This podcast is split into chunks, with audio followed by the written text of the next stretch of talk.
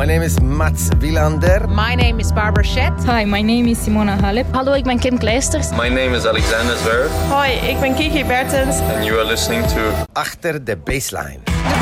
Natuurlijk zou je haast zeggen.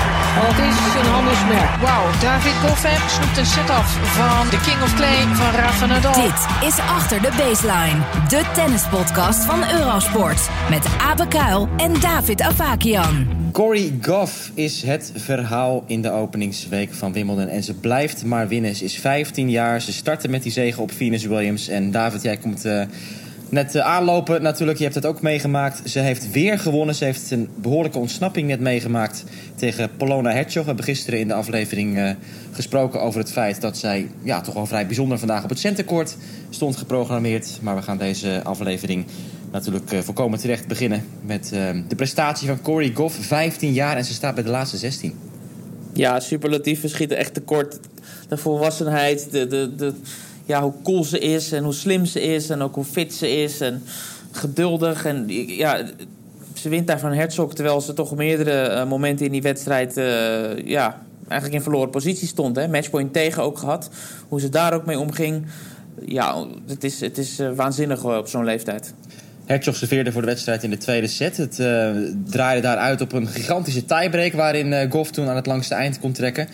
Maar ja, wat jij ook zegt... De, het valt mij het meest op dat ze de discipline heeft... om ook als, als Hertog een beetje de variatie erin brengt. Ja. Dat zij ook denkt van, oh, nou ja, gaan we slijzen? Nou, dan gaan we toch lekker slijzen. Ja. En, uh, en, en echt gewoon wachten op wanneer ze de juiste bal kan slaan...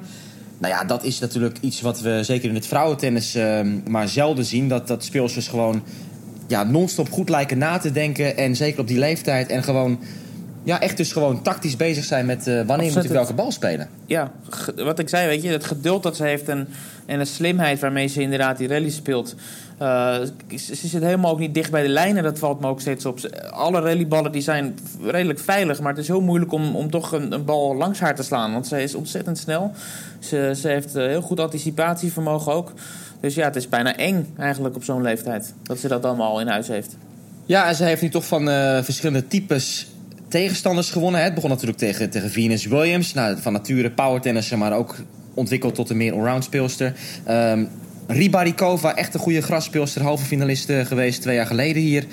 En vandaag uh, Polona Hertzog, ook weer iemand met, uh, met specifieke kwaliteiten. Goede service, goede voorhand. Ja. Maar ook iemand die dus wel een beetje varieert af en toe uh, daarbij. Ja, zeker. Ja, en, en um, niet te vergeten heeft ze natuurlijk drie kwalificatiewedstrijden ook gewonnen. Dus ze heeft nu echt gewoon al hier zes partijen op rij gewonnen op 15-jarige leeftijd. Het is echt uh, waanzinnig. Ja, absoluut. En er was natuurlijk veel te doen de laatste paar dagen over de, hè, de regels in het vrouwentennis. Dat je niet op jonge leeftijd uh, ja, een, een, vol schema mag draaien. Dat je gewoon geen WTA-toernooi altijd mag spelen. De Grand Slams hebben, hebben eigen regels waarbij dat wel mogelijk is. En ze heeft nu wildcard ook gekregen dat het gewoon toegestaan is. Maar ja, weet je, die regel is overigens op de WTA-tour uh, ja, ingebracht om te voorkomen dat, dat speelsters op jonge leeftijd ja, een burn-out krijgen. En je hebt wat, wat, wat, natuurlijk vervelende verhalen gehad met hele dwingende ouders. Uh, ja, het wordt wel een beetje de Capriati-regel genoemd, hè? Ja, precies. Om, om, uh, om onlust te, te voorkomen. Ja, ik heb even niet precies die details in mijn hoofd hoor, van die, van die regels. Maar volgens mij was het echt een, een toernooi of zes of acht of zo tot, tot uh, ja, leeftijd X. En dan tot je zestiende volgens mij. Of tussen 16 en 18 komen er één of twee toernooien bij, uh, iets in die richting. En dan na je achttiende mag je dus uh, onbeperkt spelen. Um, ja, daar heeft ze dus mee te maken. Daar, daar wordt tegen gestreden. Ook haar vader heeft daar uitspraken over gedaan. Die zegt van ja, maar moet je luisteren. Dit beperkt haar enorm. En het geeft ook extra druk op het toernooi die ze natuurlijk mag spelen. Omdat ze dus zo beperkt maar kansen heeft om op uh, ja. het hoogste niveau te acteren. Ja, dan is het dus meteen ook het gevoel van... oeh, als ik het nu niet doe, ja, ik kan niet volgende week uh, het opnieuw proberen. Ja, en al die re redenen die wij noemen hè, om die regel in te voeren... ja, dat gevaar dat is er totaal niet bij golf. Dat zie je, dat hele team om haar heen, haar ouders, alles klopt bij haar. Dus er is ook geen enkel gevaar dat zij... Uh, nee, maar dat, uh, het, ja. kijk, zij kan dan misschien uh, heel goed ermee omgaan... maar het is natuurlijk een algemene regel. En ja. andere kinderen, ja, wat zijn in feite kinderen... die, die zouden daar misschien andere effecten over op nahouden. En dat hebben we natuurlijk in het verleden meegemaakt met een Jennifer Capriati die destijds uh, ja, helemaal doordraaide. Daar waren um, meerdere redenen voor. Natuurlijk ook de moeilijke band met haar vader, et cetera. Maar dat, um, ja, dat het is een soort beschermingsregel. Uh, Roger Federer heeft er ook over gesproken in, uh, in, in de laatste persconferentie, geloof ik. nou ja, die zegt ook van laat haar gewoon spelen. Nou, daar zit wel een soort belangenverstrengeling. Want Corey Goff staat natuurlijk onder contract bij het managementbureau van Federer. Maar goed, ja, het is een item dat, dat ongetwijfeld vervolgd zou worden straks na Wimbledon. Zeker. En uh, ja, als we meteen maar vooruit gaan kijken naar het vervolg voor Corey Goff. Ze heeft een aardige volgende tegenstandster. Ja, er was natuurlijk veel eh, verwachting eh, rondom de wedstrijd um, die daar werd gespeeld in dat deel van het speelschema. En er werd wel ingezet op een verrassing. Um, Victoria Azarenka tegen Simona Halep hebben we het over. Dat werd echt uh, de sof van de dag, die partij. Ja, tot 3-3 in de eerste set was het heel erg leuk. De eerste zes games die, die lieten zien dat, dat dit echt een kraker kan worden. Maar ja, eigenlijk was het vrij plotseling dat Azarenka totaal uh, de weg kwijtraakte. En de ene naar de andere bal op, op, de meest vreemde manier miste. En daar tegenover stond dat uh, Halep juist ontzettend scherp was en, en uh, eigenlijk nauwelijks fouten maakte. en op de momenten dat Azarenka iets minder speelde, toesloeg. en ja, ze liep totaal weg met die wedstrijd. 6-3, 6-1. En Simone Halep is dus de volgende tegenstander van Corey Goff. Wat uh, nog belangrijk is om te melden is natuurlijk dat de speelsters en spelers die vandaag hebben gespeeld nu twee dagen rust krijgen. Ja, dat is misschien iets wat um, voor uh, speelsters als Goff, die natuurlijk net komen kijken, die nu echt in zo'n flow zitten. Ja, misschien toch uh, tegen zo iemand kan werken. Hè? Dat je nu ineens twee dagen rust hebt om andere dingen te doen. En, en, maar heeft opeens... Hè? Nee, ze moet, nog, ze moet nog dubbelen. Ze moet mixen ook. Of mixen, mixen. Dus ja, dat, dat goed. zal goed voor haar zijn, denk ik, om bezig te blijven. Ja, dat is, uh, dat is, uh, dat is waar, ja. Um, de andere kraker waarnaar werd uitgekeken vandaag bij het vrouwen-enkelspeltoernooi... ja, die deed, uh, voldeed wel volledig aan de verwachtingen. Dat was de wedstrijd tussen Carolina Pliskova en um, Xie Suwei... of Suwei Xie, hoe je het ook wel uitspreken. Met de Chinese regels natuurlijk doe je de achternaam als eerste of als laatste. Maar um, ja, dat, dat was echt, echt genieten, hè, die partij. Zeker. Het was eh, genieten, drie setter ook. Uh, eigenlijk alles wat we ervan verwachten kwam wel een beetje uit. Maar ja, toch uiteindelijk wel Pliskova te sterk. Hè, het was niet dat het, uh, dat het echt close was. of vond je dat wel? Nou, het was 6-4 derde set. En het, ja, Pliskova kon iets meer door die ballen heen slaan van, uh, van, van Shea. Ik, ik, heb zelf het verslag gedaan bij die wedstrijd. Maar het was echt een hoog niveau hoor. Van allebei ja, de speelsters. Ja, ja. En, uh, en, en Shea ook, die miste bijna geen bal. En je ziet dus natuurlijk wel dat, dat zij als geen ander Pliskova dat voetenwerk soms, soms kan blootleggen ja. op een manier waarop Pliskova er heel knullig uitziet ook in één keer. Als die bal ja. dan een beetje tegen voets wordt geslagen of zo, dan staat ze toch een beetje ineens van, oh jee, wat gebeurt er nou? En dan, ja, uh, ja ook als kijker uh, raakt je voetenwerk een beetje door de war af en toe. Want je weet gewoon niet wat er gaat komen. Uh, maar ik bedoel meer, ik moet anders formuleren. Ik, ik had eigenlijk wel voortdurend het gevoel Um, dat misschien dat het ook te maken had met de momenten waarop de breaks werden geplaatst. En ja, het, niveau van de, van de service van Pliskova. Dat, dat ze wel dit gewoon ging winnen. Ik, ik, had niet echt een, een danger zone moment. Uh, nee, wat ik knap vond vooral is dat toen ze de break maakte in de derde set... toen had ze de eerste service game daarna had ze nog wat problemen. Maar vervolgens was het zo sterk, zo overtuigend. Gewoon uh, twee keer 40-15 en één keer een love game, dacht ik. Nauwelijks nog een punt verloren in die laatste drie service games. En dan zie je dus ook dat ze met heel veel vertrouwen staat te spelen nu. Ze heeft uiteraard die prachtige week in uh, Eastbourne uh, erop zitten. Uh, wat, waaruit ze heeft gezegd, waarover ze heeft gezegd dat dat de meest indrukwekkende week ook voor haar is geweest uit haar carrière. Dat ze dus zo overtuigend de titel kon pakken daar. Dus ja, Pliskova die, die zit echt op, een, op een wolk momenteel. En is, denk ik, qua tennis ook gewoon ehm, de beste in het vrouwentoernooi voorlopig. Wat we hebben gezien ja. de openingsweek. Uh, ja, dat kan je wel zeggen misschien, ja. Uh, en ze heeft ook gewoon een, in de volgende wedstrijd gewoon een goede kans om, uh, om dat hele, door te trekken. Uh, tegen landgenoten Mugova. wat overigens ook wel een speelster is, hè, die, die van wat slijsjes had. Ja, en wat, uh, wat, wat er nog werd gevraagd aan Pliskova in de persconferentie ook... is van, uh, nou ja, weet je, weer tegen een landgenoten... nu is dat nog extra speciaal. Al, al die Tsjechische vrouwen die altijd maar door, door blijven komen... dat houdt maar niet op. Dat zijn dan weer de thema's die een beetje worden aangehaald. En, en was er eigenlijk vrij um, hard in. Die, die haalde heel dat verhaal onderuit. Die zei van, ja, weet je, dat, dat moet me eigenlijk helemaal niet. Dat, dat interesseert me niet. Ik, ik ben alleen met mezelf bezig. Dat klinkt misschien een beetje hard, zei ze ook. Maar zo, maar werkt, het nou, zo werkt het nou eenmaal. Ja, en we hebben die uitspraak ook uit, uh, uitgelicht natuurlijk over de share die ze maakte. Dat ze zei van, uh, op de vraag van train je wel eens met haar dan? Nee, want ik, uh, in een training wil ik gewoon normaal tennis spelen. En hè, dat, dat, dat kan niet met, met Cher. Ja. Dus zij is ja. altijd inderdaad um, recht voor zijn raap en, en heel eerlijk en spaart daarbij dus ook anderen niet. Nee, zeker niet. Ze is daar ook wel enigszins in de problemen mee gekomen in het verleden. En volgens mij heeft ze ook gezegd vandaag dat uh, ja, alles wat er na Shaq komt... Is een soort, als een soort opluchting, zei ze dat. Ja. Uh, erger, erger kan niet. Het ergste hebben we nu gehad, ja. Dit is het ergste echt, hebben we nu gehad, ja. Hoppakee, dat hebben we achter de rug liggen. Dus ja.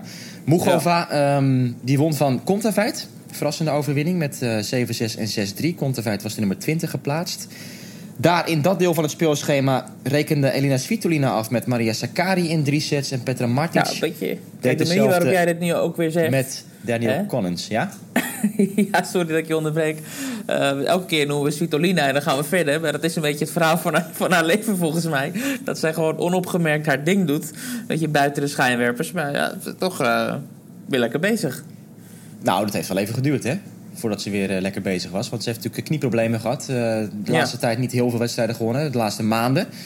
En we wachten natuurlijk op de Grand Slam doorbraak van Svitolina. Ze heeft natuurlijk wel een fase gehad, want het is niet helemaal eerlijk wat je zegt. Ze heeft een fase gehad waarin ze veel meer in de spotlight stond bij Grand Slams. Waarbij uh, men dacht van oké, okay, Svitolina die zal nu wel echt gaan, gaan doorpakken ook in de Grand Slams. Want ze heeft op de WTA-toernooien heeft ze echt al heel veel grote titels gewonnen. Echt van die, ja, Premier 5 toernooien. Ja, de um, WTA Finals zijn 20 jaar.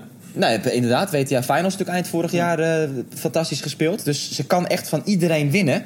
Ook in grote toernooien, behalve bij de Grand Slams. Het is een beetje het equivalent van, uh, van Alexander Zverev op de, de ja. vrouwentour, zeg maar. Ja, eens. eens. Nou, wie weet dat ze nu... Nou, ze, ze oogt fit. Uh, klaar met haar uh, blessures. Terwijl ook op, op de Roland Garros had ze dus die blessure, maar deed ze het ook uh, ja, gezien die toestand best goed. Vierde ronde of kwartfinale, meen ik. dus ja, wie weet. En Petra Martic die, is er ook goed bezig. Het is knap dat zij ook na die prestatie op Roland Garros uh, hier door weet te pakken. Zij heeft nu drie partijen in drie sets gewonnen. Staat dus ook hier bij de laatste 16.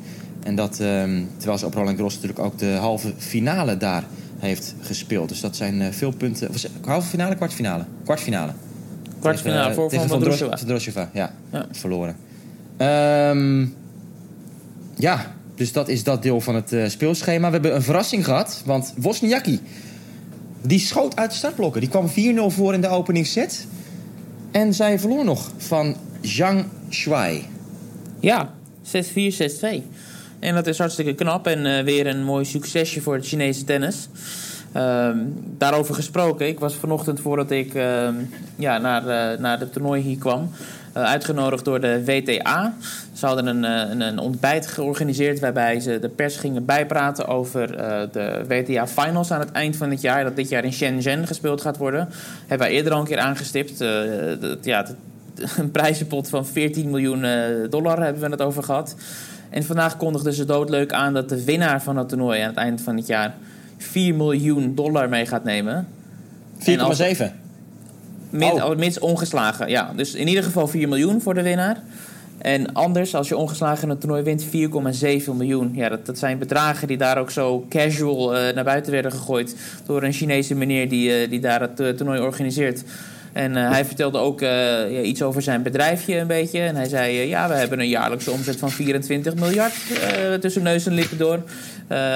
dus ja, dat, dat tekent die kracht van, van China. En, en het is leuk dan om te zien dat het Chinese tennis en een aantal van die Chinese speelsters ook zo, het zo goed doen.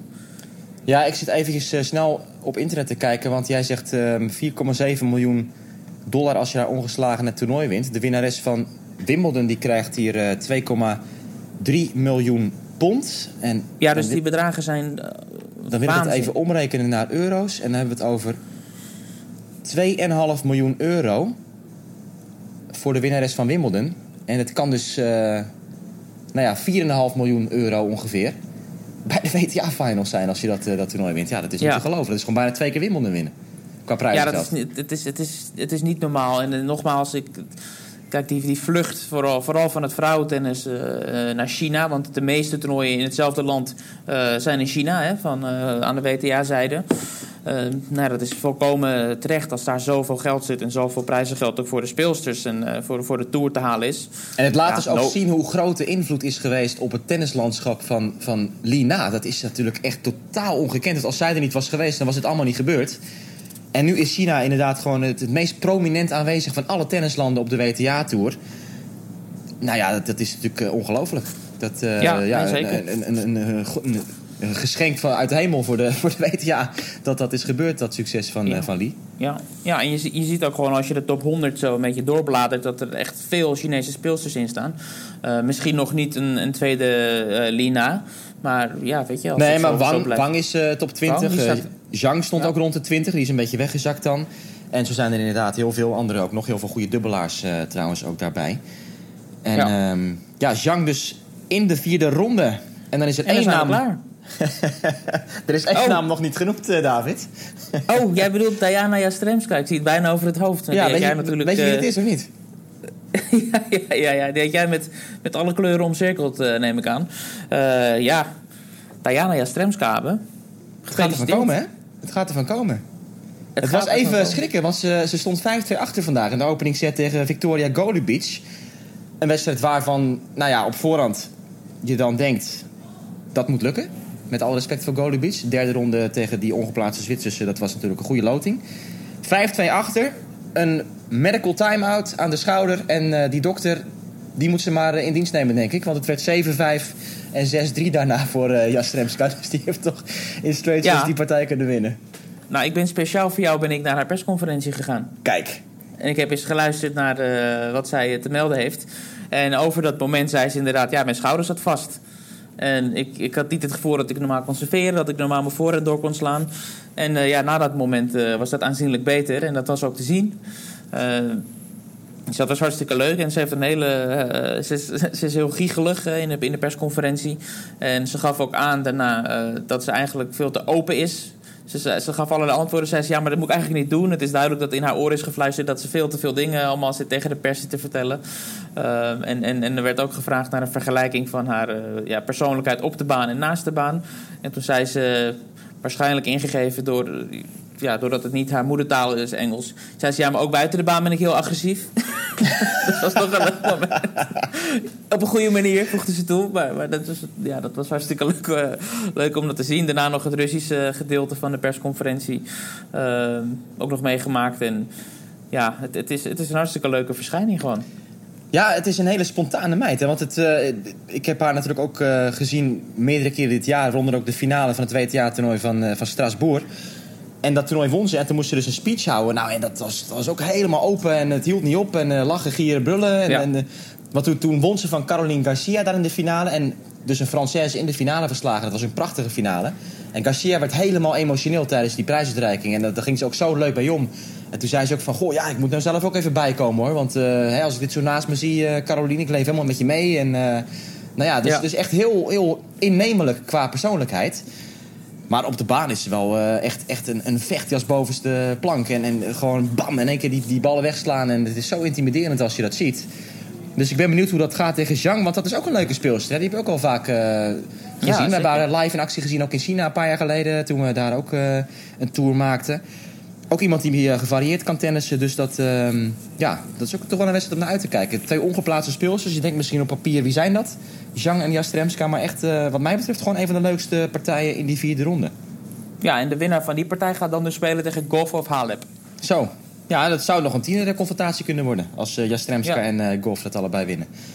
Ehm, we gaan weer ja, heel lang door over de vrouwen, zie ik, David. Wij moeten toch dan maar weer even de andere papieren erbij pakken. Want de mannen hebben ook hun best gedaan.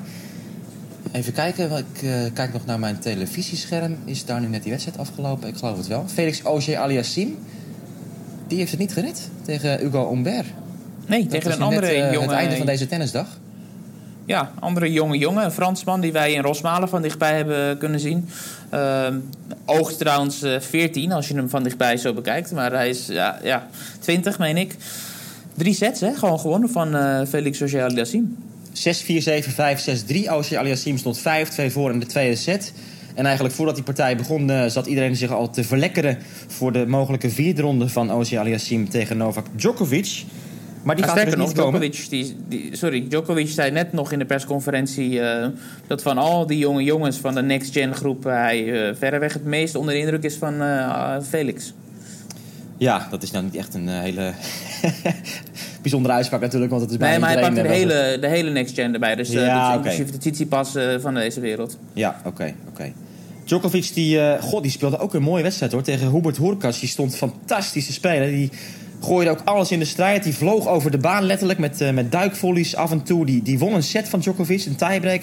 De tweede set met echt weergaloze punten. En uh, ja, Djokovic moest dus aan de bak, maar won wel in vier sets. En hij gaat dan dus die Hugo Humbert treffen in de vierde ronde. Daar zijn ook doorgekomen in het deel van het speelschema Fernando Verdasco en David Goffin. Dat is denk ik wel iets waar Djokovic blij mee is. Dat Daniel Medvedev niet meer in het toernooi zit. Daar heeft hij natuurlijk nog een eh, zware partij tegen gespeeld bij de Australian Open.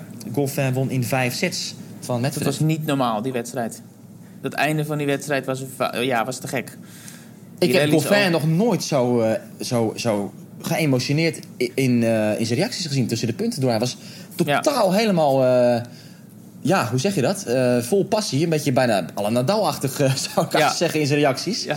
Dat je steeds dacht van, hallo uh, David, wat, wat is er met jou gebeurd? Ja, maar dat kan ook misschien een beetje met Medvedev te maken hebben. Want, want die Rus die heeft toch in zich om, om, om, om vaak zo'n emotioneel beladen wedstrijd te spelen. Altijd aan de stok ook met, met, met umpires. En volgens mij was er nu ook weer iets aan de hand waarmee hij in discussie ging en, en het over scheldwoorden had. Van, ik oh, dat was heerlijk. Dat was heerlijk. Hij zei tegen die umpire, hij zei van... Uh, als ik nu ga schelden tegen jou, dan krijg ik een waarschuwing, toch? Dat mag toch niet?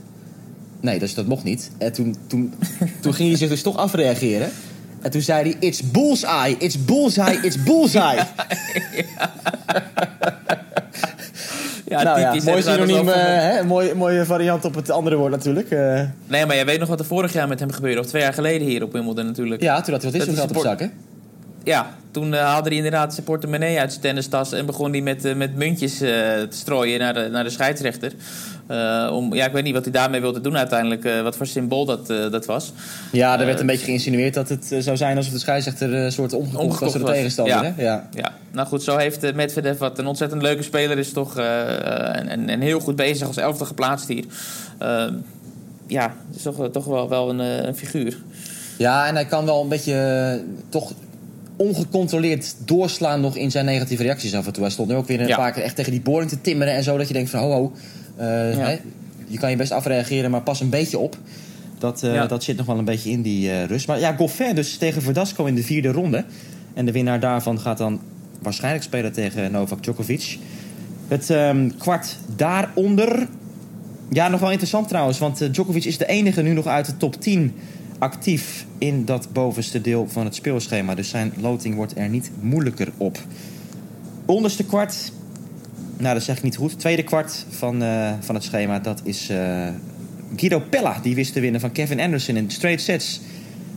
Op papier een grote verrassing, in de praktijk iets minder. Want Anderson heeft uh, hier pas zijn vijfde toernooi van het jaar gespeeld. Ja, en Pella, die, heb je dat einde gezien trouwens? Die laatste twee punten? Ja, ja. Oh, zeg. Echt, prachtig, prachtig. En het leuke voor Pella is nu dat hij uh, voor het tweede jaar op rij hier op Wimbledon de, de finalist van het jaar ervoor uitschakelt. Hè? Klopt, heb ik ook gemeld. Want hij heeft Cilic uh, vorig jaar gepakt. Ja, en hij gaat nu spelen tegen de finalist van 2016. Ja, Milos Raonic. Dus dat, uh, die heeft gewonnen ja. van, ja, ja, die heeft gewonnen van Riley Opelka, die boomlange Amerikaan, ook nog langer dan hij zelf is. Ik denk dat dit de grootste verrassing van de dag is. Dat de tweede en derde sets daar 6-2, 6-1 werden. Ging ja, ook alleen maar onderhand serveren? Of? Ik heb het niet gezien, dus dat verbaasde mij ook, de, de, de stand. Maar ik heb die wedstrijd uh, niet kunnen zien. Um, ja, er zou vast iets, iets goed mis geweest zijn. Hij beklaagde zich over het gebrek aan airconditioning in Londen. Dus misschien dat dat toch uh, in oh, ik de baan. Oh. nee, ik dacht, wat ga je nou zeggen? Maar... Nee, ja. uh, nee maar Raonic is toch levensgevaarlijk hoor. Ja, die, komt in vorm. Ik, ik, ik, las ook iets na afloop dat hij had gezegd van dat hij echt merkt dat hij met de wedstrijd beter gaat spelen. Hij won natuurlijk van uh, Robin Haas in de tweede ronde. En in principe is hij gewoon onder normale omstandigheden de favoriet om die halve finale te halen. Want hij heeft dus nu Guido Pella in de vierde ronde en dan Roberto Bautista Agut of Benoit Per in de kwartfinale. Ja, nou, dat zijn toch wel twee spelers die, uh, die, die echt heel goed staan te spelen. Ook uh, Per die heeft gewoon een hartstikke goed jaar. Is ook geplaatst hier. Uh, is minder wisselvallig dan we gewend zijn van hem hè, de afgelopen won jaren. Bijna van, won bijna van Nishikori op Roland Garros ook. Ja. wint nu in vier sets van Vesely. Ja, echt gewoon goed bezig. En Bautista Agut, ja, met zijn spel. Ik, ik ben ontzettend fan van het spel van Bautista Agut. Hij staat een beetje bekend als een saaierik, maar ja, dat, dat, dat werkt gewoon op alle ondergronden en zeker ook op gras.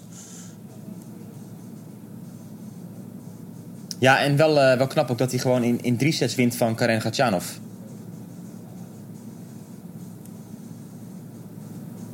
De verbinding viel even weg. David, jij uh, zit daar niet aan te trekken, toch? Oké. Nee, nee. Nee, ik, ik, ik zei nog, het is, uh, het is zo knap dat hij in drie sets won van, uh, van uh, Karen Gatchanov vandaag. Ik weet niet of jij dat ondertussen ook zat te vertellen, want ik heb jou dus even niet gehoord. Nee. Maar... Nee, ik, uh, ik, ik benoemde slechts dat hij uh, hartstikke goed staat te spelen. En dat de manier van, zijn, uh, van spelen van Bautista hartstikke geschikt, geschikt is voor grastennis ook.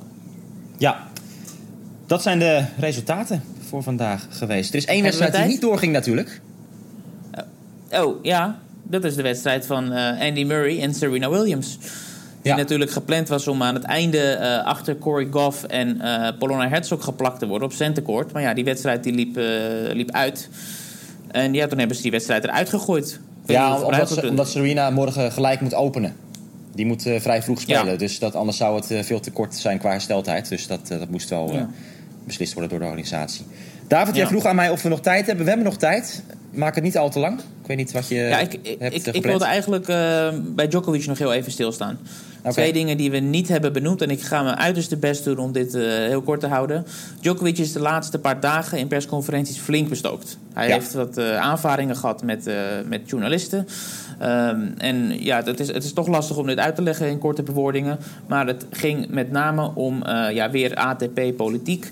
En in het bijzonder het feit dat Djokovic zich ja, schaart achter ene meneer Justin Gimmelstop, een voormalig tennisser die zeer populair is bij de spelers en in verschillende uh, ja, bestuursfuncties de afgelopen jaren de grootste voorstander is, of de grootste verdediger is van spelersbelangen. En een ontzettend geschikt is om, uh, om, om ja, meer prijzengeld naar de spelers toe te trekken. En om die reden is hij razend populair bij Djokovic en de zijnen. Maar het probleem van meneer Justin Gimmelstop is dat hij in zijn privéleven nogal eens uit de bocht vliegt. En uh, ja, in, in het meest recente geval gewoon iemand op straat helemaal uh, in elkaar heeft geslagen. Ja, Gimmelstop uh, is ook zeer agressief buiten de baan. Ja, precies. dus daar zijn allemaal rechtszaken mee, mee verbonden. En, en, en daarin is hij in een Californisch rechtshuis, gerechtshuis, is hij daar ehm, ja, niet zozeer veroordeeld, ja, veroordeeld kan je wel zeggen. Althans, hij is schuldig bevonden aan bepaalde uh, zaken. En Djokovic die heeft daarover gezegd dat hij er niet echt van op de hoogte is van die rechtszaak. En de journalisten, Amerikaanse journalisten, die, die leggen hem nu voor uh, van hoe kan je in hemelsnaam achter zo'n agressieve uh, man staan waarvan is bewezen dat hij bepaalde zaken heeft gedaan. Um, en toen heeft Djokovic gezegd: Ja, ik, ik eerlijk gezegd heb ik dat uh, niet gelezen. Terwijl bijna iedereen in tennisland het inmiddels gelezen heeft. Dus het, ik wilde even aangeven dat dat wel echt speelt. Net uh, werd hij ermee geconfronteerd, omdat hij eerder zei: Ik ga het nu toch lezen, aangezien jullie er zo op aandringen. Om te kijken om echt een eigen mening te vormen. Maar nu weigerde hij antwoord te geven en zei hij: Ik ga dat niet nu doen. Ik ben nu bezig met de wedstrijden. Ik ga dat op een zeker moment toch doen, uh, lezen. En dan kom ik bij jullie terug. Ja, nou ja, dat laatste is natuurlijk wel begrijpelijk dat hij dat nu niet opeens uh, vol gaat aanpakken terwijl hij in de vierde ronde van Wimbledon staat. Maar ja, dat, dat is een, uh, een, gigantisch thema inderdaad. En um, goed, Djokovic is de voorzitter van de ATP Spelersraad. Er zijn vier spelers ook opgestapt, waaronder Robin Haase. Dat was allemaal aan de vooravond van Wimbledon. En um, ja, Djokovic uh, is heel erg betrokken. Dat moeten we wel even daarbij aangeven dat hij echt, echt ontzettend veel krediet krijgt van zijn medespelers en van van, van de tenniswereld. Dat hij zo echt probeert dus de tennissport vooruit te helpen. En zijn team zegt ook steeds van Novak, wat ben je allemaal aan het doen joh? Al die energie die je daarin steekt, focus je nou gewoon op je tennis. Focus je op het verbreken van alle records de komende jaren. Dus um, Djokovic zei ook in een van zijn persconferenties eigenlijk dus dat er werd aangeraden van kapper nou gewoon mee met, uh, met al dit gedoe. Maar hij wil ja. daar dus echt, echt mee doorgaan. En um, ja, dat krijgt dus allemaal zeker nog een vervolg. Ook omdat er gewoon weer vier nieuwe mensen nodig zijn voor die ATP-spelersraad. Daar hebben we het later nog wel een keer over. Ja, dit is uh, nog even een zwaar onderwerp, David, aan het eind van, uh, van de ja, podcast. Ja, maar het moet, uh... want het, het, kijk, want mocht het met Djokovic misgaan en mocht, mocht er iets op de baan gebeuren, kan het natuurlijk ermee te maken hebben dat hij ontzettend afgeleid is. Dus ik wil het toch wel even aangeven. Ja. De dag van morgen. Ja. Mooie wedstrijden. Kiki, Kiki inderdaad. We hebben een clash waar ik ook heel veel van verwacht tussen Serena Williams en Julia Gerges. De eerste wedstrijd op baan 1. Conta tegen Stevens, ook toch wel een, een leuke clash vaak. Die hebben elkaar uh, vaker getroffen. En Conta is een beetje een plaaggeest geweest hè, voor, uh, voor Stevens in het recente verleden. Ja, zeker. zeker. En die staat op, als tweede op court 1. Trouwens, Serena Williams ook, hè? Want jij begint nu bij baan 2. Ja, um, ik zei ook court 1. Ja. ja. Nou, oké. Okay. Um, ja, zeker. Dus dat, dat, dat zijn twee, twee topdameswedstrijden. Ook een topdameswedstrijd op centercourt. Om mee te beginnen, Ashley Barty, nummer 1 van de wereld, gaat daar spelen tegen de Britse wildcard Harriet Dart. Gevolgd door Nadal. Ik vind het een beetje ver gaan dat jij het een topwedstrijd noemt. Want Barty die, uh, die wint dat denk ik in een uurtje van Harriet Dart. Oh ja, goed. Maar goed, zullen zien. Een, een, een, grote naam, laat ik het daarop houden dan. Uh, ja, daarna dus Tsonga tegen Nadal. Nou, we hebben al Weer zo'n kraker voor Nadal. Ja, ja, we hebben al meerdere malen aangegeven inderdaad dat Tsonga echt, uh, echt goed staat te spelen ook. En ja, als hij als hij gewoon zijn niveau had, uh, kan hij het Nadal zeker moeilijk maken. En daarna Luca Pouille, nog een Fransman, tegen Roger Federer. En de dag op Eurosport 1 die zal er dan zo uh, uitzien dat wij gaan starten met Kiki Bertens tegen Barbara Stritschova. De tweede wedstrijd op baan 3. Ja, we komen daar iets later in omdat er ook MotoGP is op zender. En dat is ook uh, belangrijk natuurlijk. Maar dan hebben we Bertens, Nadal en Federer. Dat is toch een lekkere dag, dacht ik zo, David. Bertens tegen Stritschova. Nog even een korte vooruitblik ter afsluiting. Nou goed, hebben we in de vorige podcast al vrij uitgebreid bij stilgestaan natuurlijk. En uh, ja, we hebben aangegeven dat Stritseva uh, zich als een vis in het water voelt op gras. En een speelster is die heel makkelijk het, net ook vindt.